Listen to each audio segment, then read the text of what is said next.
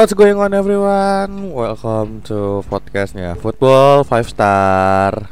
Ini mohon maaf kalau suara gua agak berubah. Ya lagi pilek soalnya Tapi gue mungkin ikuti kata-katanya Freddie Mercury.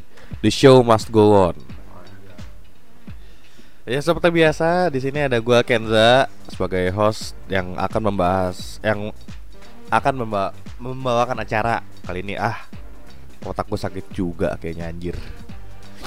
Uh, kali ini gue ditemani oleh Ultras Persiraja Banda Aceh, Bang Wanda, Bang. Enggak, enggak, gimana?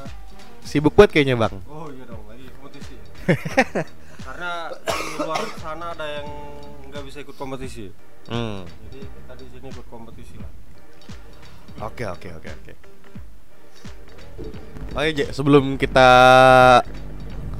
mulai podcastnya, gue mau ngingetin lu, lu, semua untuk pantengin terus football5star.com untuk tahu berita-berita bola terupdate, terpanas dan terter lainnya. Selain itu di Football 5 Star juga ada prediksi yang paling akurat sejagat internet. Jadi kalau ya lu mau pip gitu ya tapi ragu lihat dulu di Football 5 Star itu biasanya prediksinya tepat dan akurat selain itu di YouTube kita juga ada channel ya Football 5 Star di situ kita ada flash news dan ada live juga setiap hari Selasa dan Jumat yang dipandu oleh host-host yang super kece. Langsung masuk ke topik pembahasan. Kali ini kita mau ngebahas berita yang uh, agak breaking ya Bang Wanda ya. Yo, yaitu Manchester City yang kena hukuman dari UEFA nggak bisa tampil di Liga Champions selama dua musim. Nah, Bang Wanda kan tadi dini hari tadi yang garap artikel ini Bang. Kalau dari pemahaman Bang Wanda ini duduk perkaranya ini gimana nih Bang? nggak pakai bang berapa sih? Terganggu saya.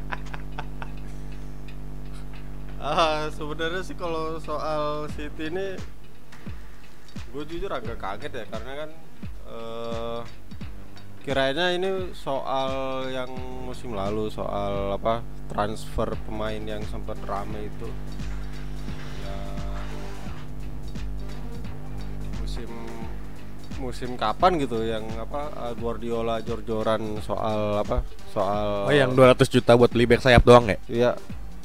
Buat beli back sayap untuk uh, endorse beberapa produk doang. Benjamin Mendy dan Kerjanya nge-tweet doang tapi dapat dapat piala. makanya dan kawan-kawannya itu gue kira soal itu kan. Eh uh, taunya bukan cuman itu doang, ada beberapa hal lain yang menjadi uh, pokok uh, permasalahan uh, City yang pada akhirnya membuat uh, UEFA mengambil uh, keputusan tegas gitu. Salah satunya soal uh, dalam rilis UEFA itu dikatakan bahwa uh, memanipulasi pendapatan klub, pendapatan klub uh, dan juga pendapatan dari uh, pihak sponsor gitu. Dan itu terjadi sejak 2012. Berarti kan uh, ini udah lama banget kan, udah udah bertahun-tahun lah dan bukan soal uh, transfer jor-joran mereka doang gitu. Ini soal itu juga soal apa yang tadi gue bilang soal pendapatan gitu. Dan ini dengan adanya ini uh, ya kita bi- bisa lihat bahwa UE- UEFA sebenarnya selama ini udah udah bekerja. Yang kalau kan secara sekilas kita lihat City dengan eh apa UEFA dengan segala kebijakan FFP-nya uh, fair- FFP. apa financial fair play-nya itu. Kan kalau kita lihat uh, dengan segala keruwetan uh, pasal-pasal itu kan uh, bisa dibilang uh, kayaknya nggak nggak apa ya nggak berpengaruh lah untuk klub-klub kaya gitu kan kayak City, PSG dan segala macam. Tapi pada pada akhirnya UEFA sebe- uh, sebenarnya udah bekerja UEFA udah apa udah udah melihat uh, sebuah ketidakadilan dalam hal uh, uang gitu dalam hal transfer pemain sampai pada akhirnya mereka bikin uh, keputusan ini gitu kan dan yang lebih hebatnya lagi ini gue bilang hebat karena ya UEFA gitu kan yang selama ini dicap sebagai salah satu sarang eh, koruptor di bola Mafia bolanya Eropa ya. mafia bolanya Eropa lebih hebatnya lagi selain gitu. soal eh, apa larangan bertanding di kompetisi Eropa eh, MU eh, itu juga di denda 30 juta euro itu sangat besar gitu kan untuk uh, sebuah denda itu terbilang sangat besar dan ya cuman uh, UEFA masih ini sih masih ngasih kelongga, kelonggaran untuk City buat uh, banding gitu Mhm. cuman kan ya bia- biasanya ya bia- biasanya uh, banding ini kan yang akan dimanfaatkan oleh klub-klub untuk uh, Nego ya, nego hukuman. untuk nego hukuman dan dan biasanya dikabulin gitu sih Tapi kalaupun misalnya mereka banding nih, tapi feeling gua bakal tetap itu sih akan tetap nggak main di Liga Champions musim depan. Yang musim depannya lagi baru bisa. Jadi ke Chelsea hukumannya dikurangin. ya benar ya bu ya gua harapnya kayak kayak Chelsea ya eh, maksudnya hukuman hukumannya benar gitu. Walaupun pada akhirnya dikurangin tapi seenggaknya nggak nggak langsung dihapusin. Iya. ada ada hukumannya yang benar-benar. Kalaupun misalnya nggak boleh main di Liga Champions tapi main bolehnya main di Liga Eropa oke lah. Bukannya nggak boleh itu ya? Nggak bolehnya di kompetisi Eropa Iya, semuanya, iya kan? ya nggak eh, maksud gua kalau kalau misalkan nanti banding nih Oh, terus ya dengan segala pertim- pertimbangan akhirnya di Liga Eropa ya eh, bodo amat lah terserah siapa juga yang peduli sama Liga nggak ada Eropa. duit di Liga Eropa. makanya biarin aja kalau kalau memang nanti di Liga Eropa gitu kan Nah ini kan eh berarti ini dengan hukuman yang ada ini, City pasti bakal habis-habisan di Liga Champions musim ini untuk bisa jadi juara. Tapi mereka eh harus melawan Real Madrid di babak 16 besar nih. Menurut Bang Wanda nih, apakah hukuman yang udah diberikan akan bisa menjadi faktor kunci di pertandingan lawan Madrid nanti? faktor kunci sih pasti ya karena kan mau nggak mau masalahnya kan jadi jadi berdampak sistemik nih kalau kalau bahasa ekonominya kan jadi berdampak sistemik ya mereka eh, kalau dibilang selama ini menghabiskan 100% kekuatan nanti lawan Madrid terus eh, nggak cuma lawan Madrid sih di Liga Champions pasti bisa 1000% lah Apalagi di Premier League juga udah di Premier League nyerah udah, kan? udah nyerah ya di, Prem- di Premier League udah nyerah terus harapan satu-satunya di harapan satu-satunya untuk menyelamatkan musim ini ya cuma di Liga Champions gitu kan. dan masalahnya kalau eh, kalau City gagal gitu Pep Guardiola kemungkinan besar hengkang Iya. terus pemain lain pemain-pemain bintangnya pasti juga hengkang gue yakin pasti bakal hengkang dah modelan De Bruyne, Aguero. Pa- pasti bakal hengkang karena mereka melihat wah nggak bisa main di Liga Champions nih selama dua musim nggak mungkin dong pemain sekelas eh, De Bruyne eh, siapa Aguero. Aguero dan lain-lainnya main di main main main di Carabao Cup kan nggak nggak mungkin kan jadi gua gua rasa sih itu pasti bakal jadi eh, apa ya jadi pendorong City nanti melawan Real Madrid sih walaupun eh, agak berat ya lawan Madrid yang kalau kita lihat angin-anginan tapi giliran di Liga Champions Galak. galak banget Nah ini eh Bang Ponto tadi bilang nih, Guardiola kemungkinan bisa angkang kalau eh, hukumannya tetap nggak ditangguhkan.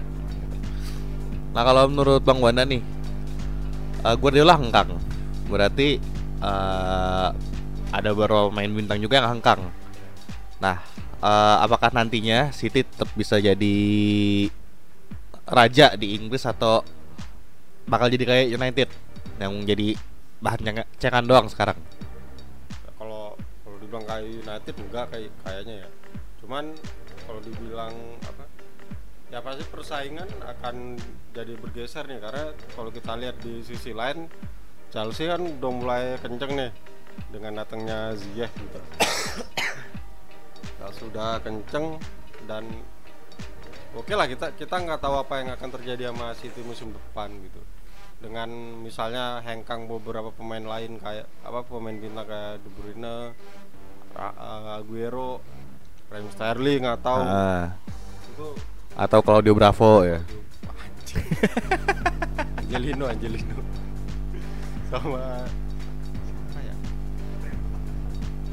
Kiperang botak. Anderson. Siapa? Beberapa di Chelsea sekarang itu si Caballero.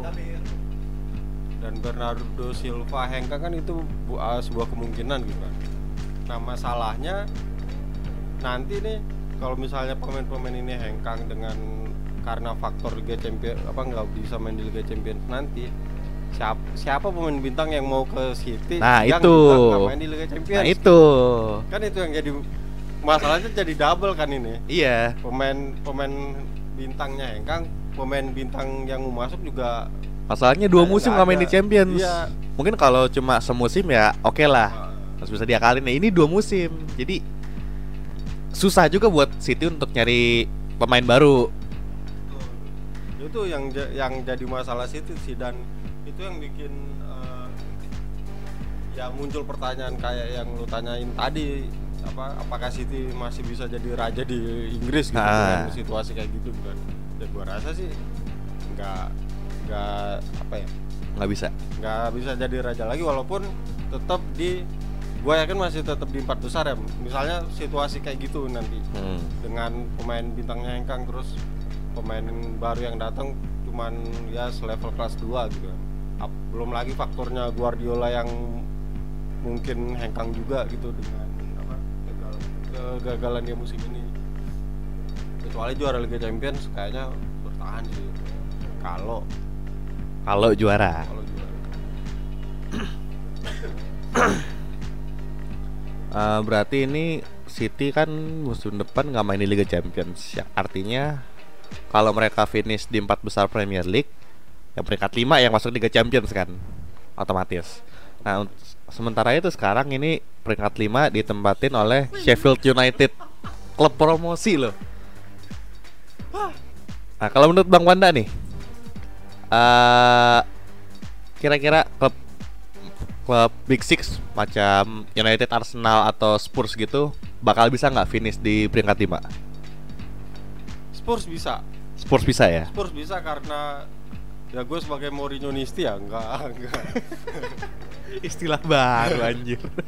gue nggak ingin eh, meninggalkan bapak itu sendirian gue tetap yakin eh, Spurs bisa ya geser Sheffield lah ya di lima gitu karena kalau empat besar udah udah berat banget untuk eh, bahkan untuk klub lain kayak yang di bawah Sheffield itu udah berat banget kan. kalau kalau dibilang Arsenal MU sama Spurs ya gue bilang sih peluang paling besar ya Spurs sih yang bisa menyalip ke lima besar dan eh, apa menggantikan City di Liga Champions depan pakai wild card. Wildcard lu kayak main gitu. Oh, iya. Berarti Sheffield United nih lolos ke Europa League atau ada penurunan di akhir musim nanti? Enggak lah enggak. Penurunan di akhir musim enggak. Penurunannya ntar di depan. Musim depan ya? seperti kebanyakan klub-klub gitu. Karena kalau gua lihat eh, Sheffield belum terlalu karena ini kan masih musim ba, musim per- pertama dia kan di Hmm. Liga Inggris. Jadi masih ya belum ketahuan banget lah sejauh mana eh, konsistensinya Sheffield gitu. Walaupun sempat eh, ngalahin Chelsea ya sama Draw, draw. draw ya. Draw lawan Chelsea. Kalahin eh lupa gua kalahin siapa? Oh, Arsenal kalau nggak salah deh. semua klub juga bisa ngalahin Iya sih.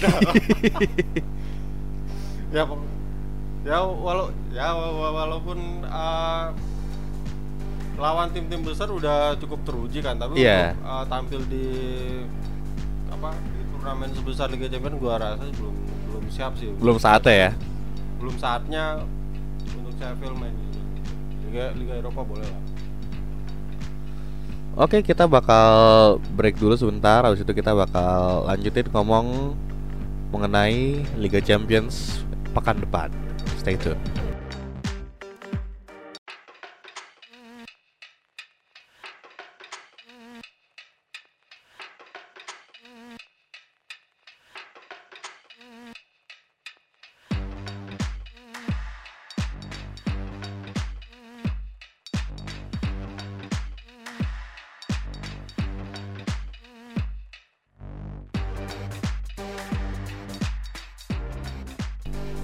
Alright, we're back. Dan sekarang waktunya untuk nggak jauh-jauh dari topik yang tadi masih soal UEFA ya UEFA juga. Tapi kali ini kita nggak bakal ngebahas UEFA-nya tapi bakal ngebahas kompetisi yang dinaungi oleh UEFA.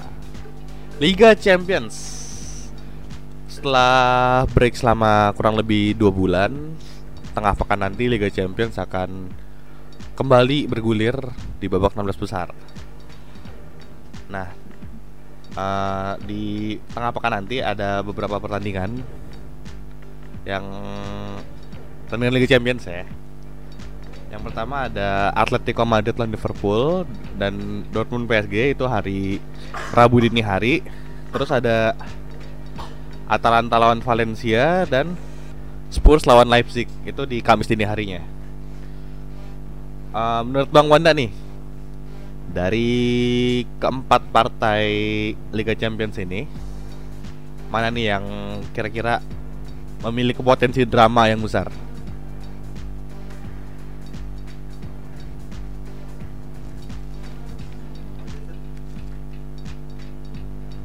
Atletico Liverpool, Dortmund PSG, Atalanta Valencia, Spurs Leipzig. Drama ya. Drama. PSG Dortmund. PSG Dortmund. Kenapa tuh, Bang? Ya karena uh, kental akan nostalgia ya di sana dengan uh, PSG pelatihnya si siapa Thomas Tuchel terus di Dortmund juga ada siapa ya backnya yang ex PSG gitu gue lupa Yang ada itu back PSG X Dortmund. Hah? Back PSG X Dortmund. Abdul Diallo. Iya kayaknya di yang di PSG ada yang di Dortmund kayaknya ada juga deh Gak ada ya? Gak ada. Gak ada ya? Gak ada. ya ya itu uh, gua rasa bakal jadi drama tersendiri di apa di 16 besar kali ini ya pertama karena tadi ada unsur nostalgia tadi dan kedua tentu dengan lini belakang kedua tim eh lini belakang lini depan kedua tim yang lagi ngeri ngerinya kita tahu Dortmund sejak datang Halan itu menangnya selalu di atas tiga apa selalu mencetak di atas tiga gol ya? Iya. kecuali kemarin yang kal- kalah itu juga di derby pokal. Dan PSG juga lagi bagus-bagusnya sekalipun kemarin sempat ada masalah antara pelatih dan pemain bintangnya itu.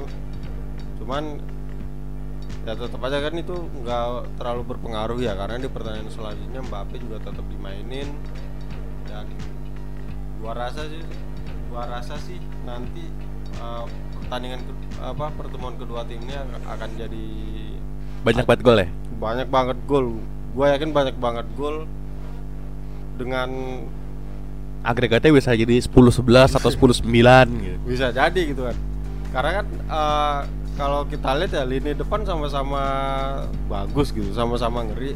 Dan lini belakang juga sama-sama bego kan kedua tim itu gitu kan. Dortmund walaupun nyetak gol tapi kebobolannya juga banyak. Bahkan kayaknya baru semalam doang gitu yang clean sheet. Yang bikin Itu Favre. clean sheet juga karena nggak diserang. iya. Kalau diserang juga gol itu sebenarnya. makanya yang bikin Favre juga agak-agak kaget gitu kok bisa uh, clean sheet dan sementara Dort apa uh, PSG beberapa kali juga walaupun menangnya besar tapi tetap kebobolan satu kebobolan dua. Itu yang jadi seru nantinya sih di situ dan kalau kita lihat dari segi pemain gitu Erling Haaland sama eh, Mbappe ya kita agak kesampingkan Jadon Sancho sama Neymar ya Hah? karena memang eh, ini dua dua-duanya pemain muda dua-duanya masih eh, 20 20 tahun bahkan Halan 19. Haaland 19 19 tahun. Tapi mereka dengan uh, um apa perbedaan umur yang tidak begitu jauh, tapi Hal Haaland secara ter- terang-terangan bilang kalau uh, dia mengidolakan Iya, si- pengen jadi kayak Mbappe kan. pengen jadi kayak Mbappe gitu. Berarti tanda-tandanya nanti akan ada mogok latihan. Bakal ada drama sama Lucien Favre. Moonways ya tapi uh, lepas dari soal apa uh, mengidola-idola tadi sih kalau gua lihat itu nanti akan jadi panggung antara mereka berdua antara Mbappe sama Halan Apalagi Halan juga sekarang masih jadi itu kan salah satu pencetak gol terbanyak di Liga Champions. Di bawahnya Lewandowski, kalau nggak salah ya. pokoknya gua Ronaldo ya Lewandowski Ah, Lewandowski ya? musim ini. ya, ya itu jadi tanda lah kalau eh, dengan faktor Halan yang terus eh, mencetak gol dan faktor eh, PSG-nya yang memang punya lini depan kuat gitu kan itu bakal jadi eh, drama tersendiri nanti di Liga Champions. Apakah nanti PSG di comeback kayak musim lalu atau Dortmund penyakit lamanya di Liga Championsnya kumat lagi gitu yang uh, diharapkan banyak orang tapi ujung-ujungnya uh, nggak bisa berbuat apa-apa gitu. Itu yang bakal ditunggu sih. Dan ya kita juga nggak bisa uh, melupakan tadi gue bilang Sancho sama Neymar yang akan jadi kartu truf lain. Yang bakal jadi faktor lain dari uh, menentukannya pertandingan nanti sih. Uh, Oke, eh, geser ke pertandingan selanjutnya ini kita ada juara bertahan Liverpool yang ketemu sama tim yang sedang quote on quote sakit Atletico Madrid. Ini dua tim sama-sama pertahanannya kuat, tapi kalau Liverpool kita tahu sendiri attackingnya juga kuat banget, sementara Atletico attackingnya lagi agak memble musim ini. Padahal mereka udah datengin Joe Felix dengan harga yang sangat mahal. Kalau menurut Bang Wanda nih, gua gua pengen ngomentarin Joe Felix dulu ya gua nah iya gue juga mau nanya Joe Felix. gua bingung kenapa seorang Joe Felix yang main atraktif gitu yang bisa memanfaatkan kelebihan indi- individunya memilih tim seperti Atletico yang gue bilang nggak pragmatis tapi lebih cenderung ke negatif football. Iya, ya Diego Simeone dengan eh, apa mentok di formasi 4-4-2 nya terus menjadikan Joao Felix sebagai duet Alvaro Morata di, di lini depan gua gua rasa itu nggak masuk akal ya untuk seorang untuk pemain seperti Joao Felix karena kan eh, Simeone eh, Atletico udah gagal lah sama Thomas Lemar iya. sama lagi ya? Gelson Martins juga. Ah, Ge- Gerson apa Gerson? Gelson. Gerson Martins yang di Sporting dulu ya. Iya. Di Sporting jago banget tiba-tiba di Atletico jadi bego gitu. Dan mereka tetap pengen datengin pemain-pemain dengan tipe yang atraktif kayak gitu dengan yang apa yang stylish kayak gitu Ah, dengan mendatangkan si siapa si Joao Felix gitu kan itu gua rasa sih ini memang keinginan bukan keinginan si Simeone sih. Keinginan klubnya ya? keinginan klub keinginan si Serizo Osaka. Serizo siapa sih? Namanya si presiden klubnya gitu. Dan adanya wah Felixnya mau. Kan ya kita tahu lah uh, wah Felix banyak diincar klub-klub gede gitu yang yang sebenarnya cocok dengan tipe permainan dia tapi Iya. kenapa dia malah milih si siapa Atletico Madrid yang dengan uh, Diego Simeone-nya dengan per- uh, tipe permainan kayak gitu itu kan Yang nggak- kaku banget kan. Iya, yang kaku banget itu nggak masuk banget sama Felix dan terbukti sejauh ini dia cuman cetak berapa gol. Di La Liga cuma satu kalau nggak salah deh. Tuh, di La Liga cuma satu assist juga cuman berapa gitu kan Top scorernya dong, Morata cuma 7 Nah, top, top skor cuma 7 coba Morata lagi. Rata lagi ya itu menggambar menggambarkan eh, betapa sedihnya per- permainan Atletico musim ini gitu dengan transfernya yang jor-joran. Jadi klub terboros La Liga kalau nggak salah. Kalau nggak salah juga musim ini di La Liga itu Atletico baru bikin sekitar 25 gol dari 24 pertandingan. gue gue uh, sejak musim lalu sebenarnya emang udah males ini sih. Kalau misalnya ke kerjaan ya udah udah males banget bikin review Atletico ya kalau nggak satu satu satu satu kosong kosong kosong gitu. Iya. dan gue keseringan dapetnya yang jatah kosong kosong. Itu mengecewakan sekali. Cuman pertandingan semalam doang yang lawan Valencia. Dua sama. dua sama itu sangat terbantu lah gue pas lihat ah, gue sampai di Twitter. Kalau bisa jangan jangan dapat review Atletico lah karena ya faktor itu faktor lu nggak bisa eh, apa nggak bisa ngegolin mereka. Walaupun eh, ya katakanlah unggul ball possession tapi buat apa kalau nggak bisa mencetak gol? Dan ini di Liga Champions mereka melawan Liverpool yang punya apa punya trio mengerikan di Eropa. Ada Salah Mane sama Firmino. Firmansyah. Firmansyah walaupun sekarang Mane masih cedera tapi kemungkinan ming- minggu depan dia udah bisa main lagi. Itu jadi ini sih jadi apa? Salah sa- eh, alarm buat Atletico lah. Karena kan Atletico kalau musim lalu Atletico walaupun nggak bisa cetak gol tapi masih terbantu dengan kokohnya lini belakang. Iya karena masih ada Bodin juga kan. masih ada Godin masih ada siapa tuh yang gondrong? Felipe Luis. Iya. musim ini kan nggak ada. Musim ini cuma ngandalin Felipe.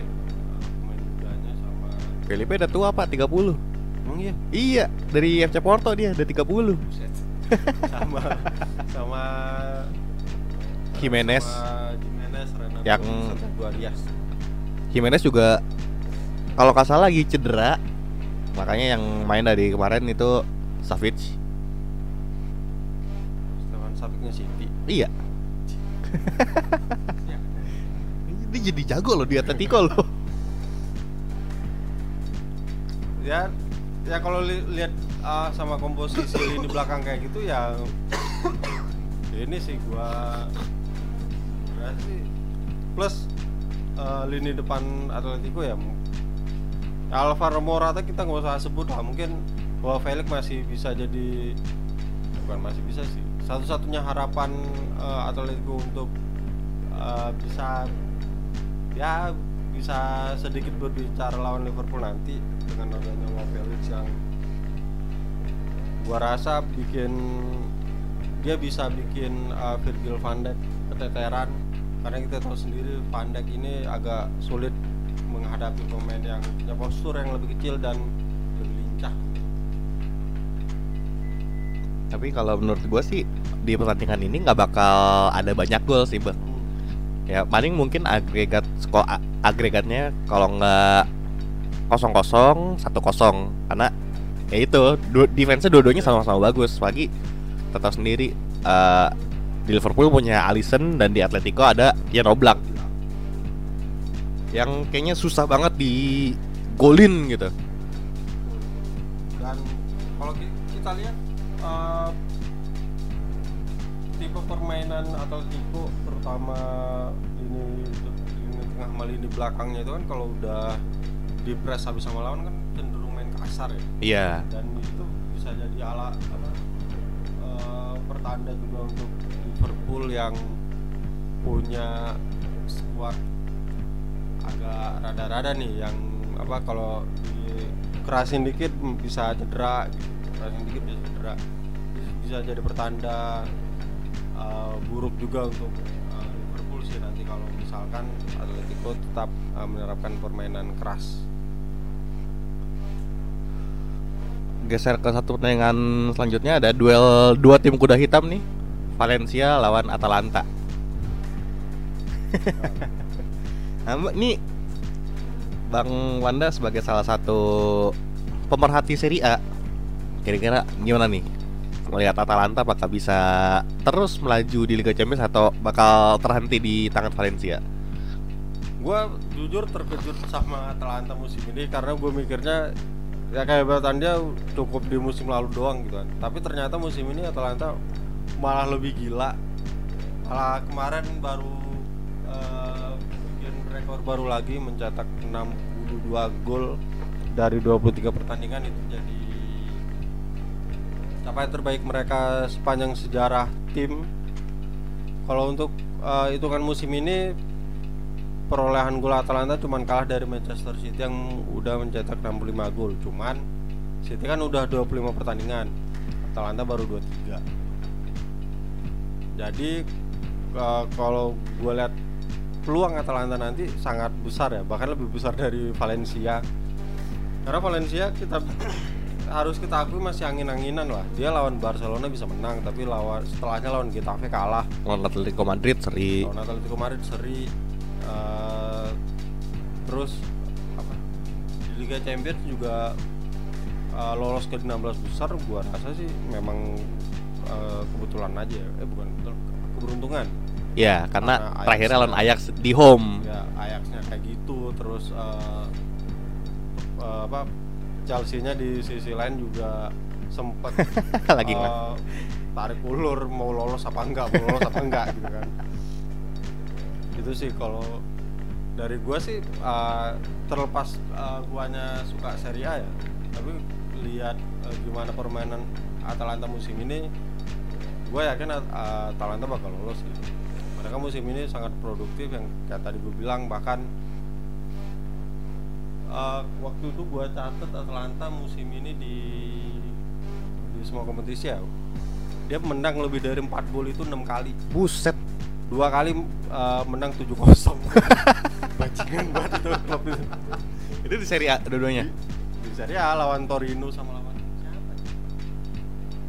Torino sama lawan siapa gitu Lawan. Torino tuh di markasnya Torino kan? iya Buset dah. makanya makanya uh, yang bikin gua yakin sama Atal- Atalanta ya faktor itu karena mereka jagonya nggak cuma di Serie A di Liga Champions juga jago walaupun di pertandingan pertama dibantai 4-1 sama Zagreb ya Iya. sama Dinamo Zagreb tapi setelah itu kan mereka berhasil bangkit Enggak juga, Pak. Tiga pertandingan pertama kalah semua. nah tiga pertandingan pertama kalah semua tiga pertandingan selanjutnya baru menang eh, Dua menang, satu seri. dua menang serinya lawan City ya Iya. Yang Walker jadi kiper.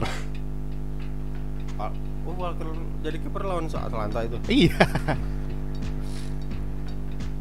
ya itu sih uh, dari faktor itu sih gue yakin Atalanta yang bakal lolos sih walaupun ini, sekalipun ini jadi uh, Liga Champions per- perdana dia ya tapi tetap aja dengan uh, mereka momennya udah dapat nih momen di Liga Italia udah dapat sekarang uh, masih bertahan di posisi keempat gitu kan peluang lo- lolos ya se- menang nanti di pertandingan pertama juga tapi masih bisa menang Apalagi sekarang Dufan Zapata juga udah bisa main lagi kan.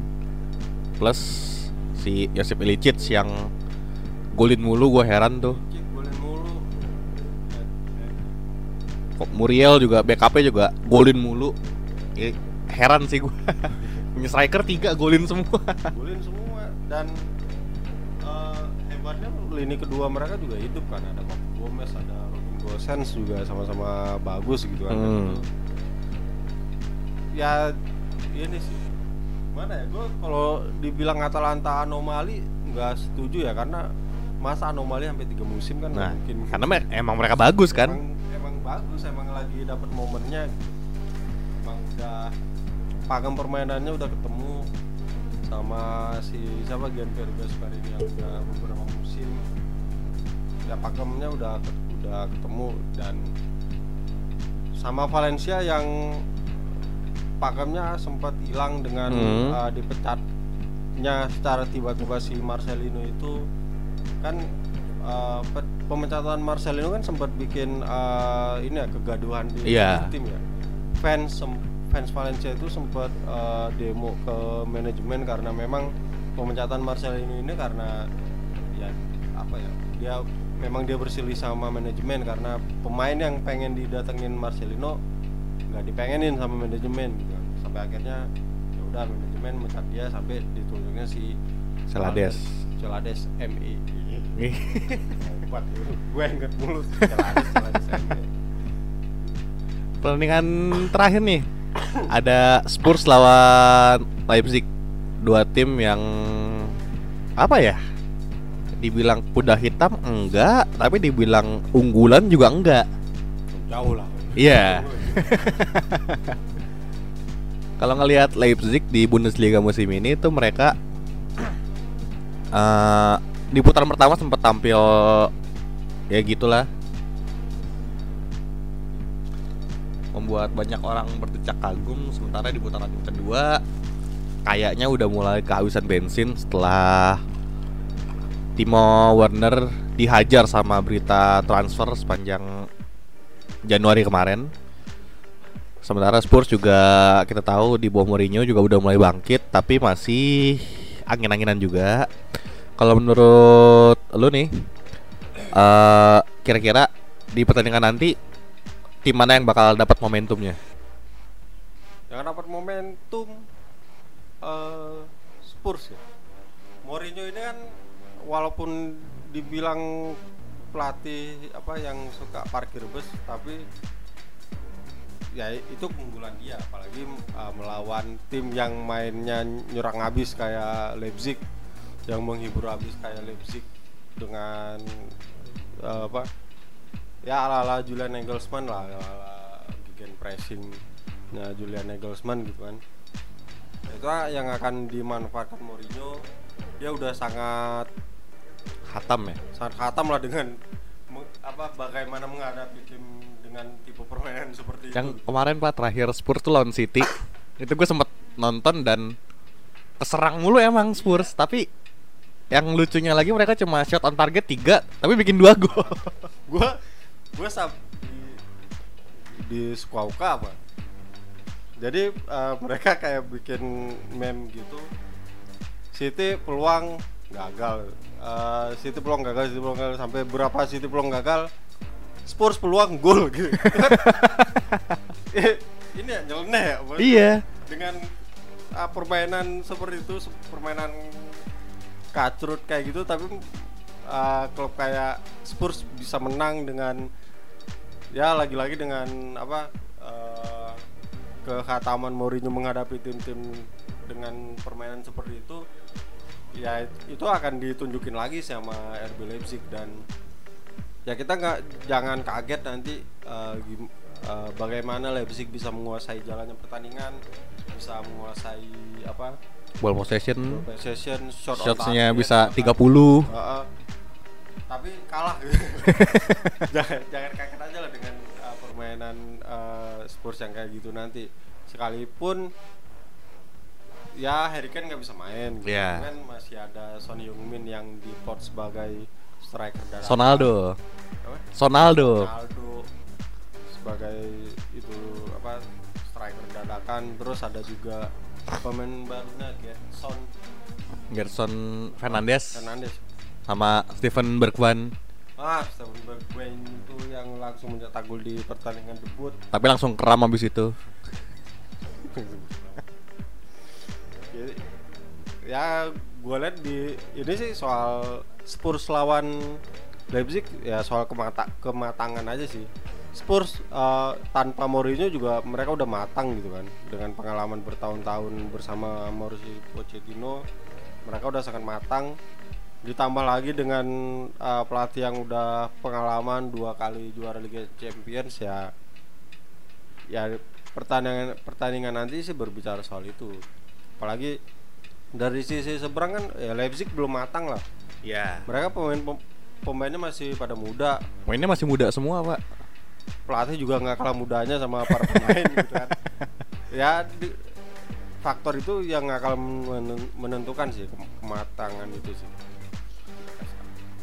Oke, terakhir nih Bang sebelum kita udahan.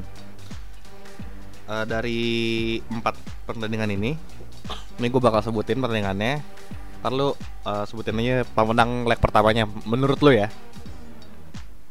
Nah ini yang pertama Atletico lawan Liverpool. Kandang Atletico ya? Iya. Sorry lah. Seri kosong kosong. Wah, gol gol. Satu sama. Dortmund PSG. Dortmund PSG seru nih. Tiga dua. Tiga dua. Dortmund. Oh, nih. Atalanta Valencia. Valencia eh agak susah sebenarnya ini. Eh dua kosong Atalanta. Yang terakhir Spurs Leipzig. Spurs Leipzig satu kosong lah.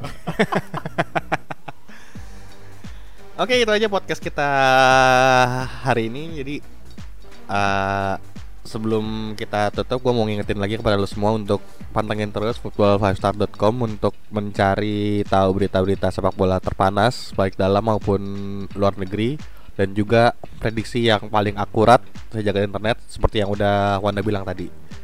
Yang empat tim itu, nah, lo pegang kata-katanya Wanda. Kalau enggak, lo langsung hajar dia di Twitter. Oke. Gua Kenza mau cabut. Wanda juga cabut. Sampai ketemu di edisi selanjutnya.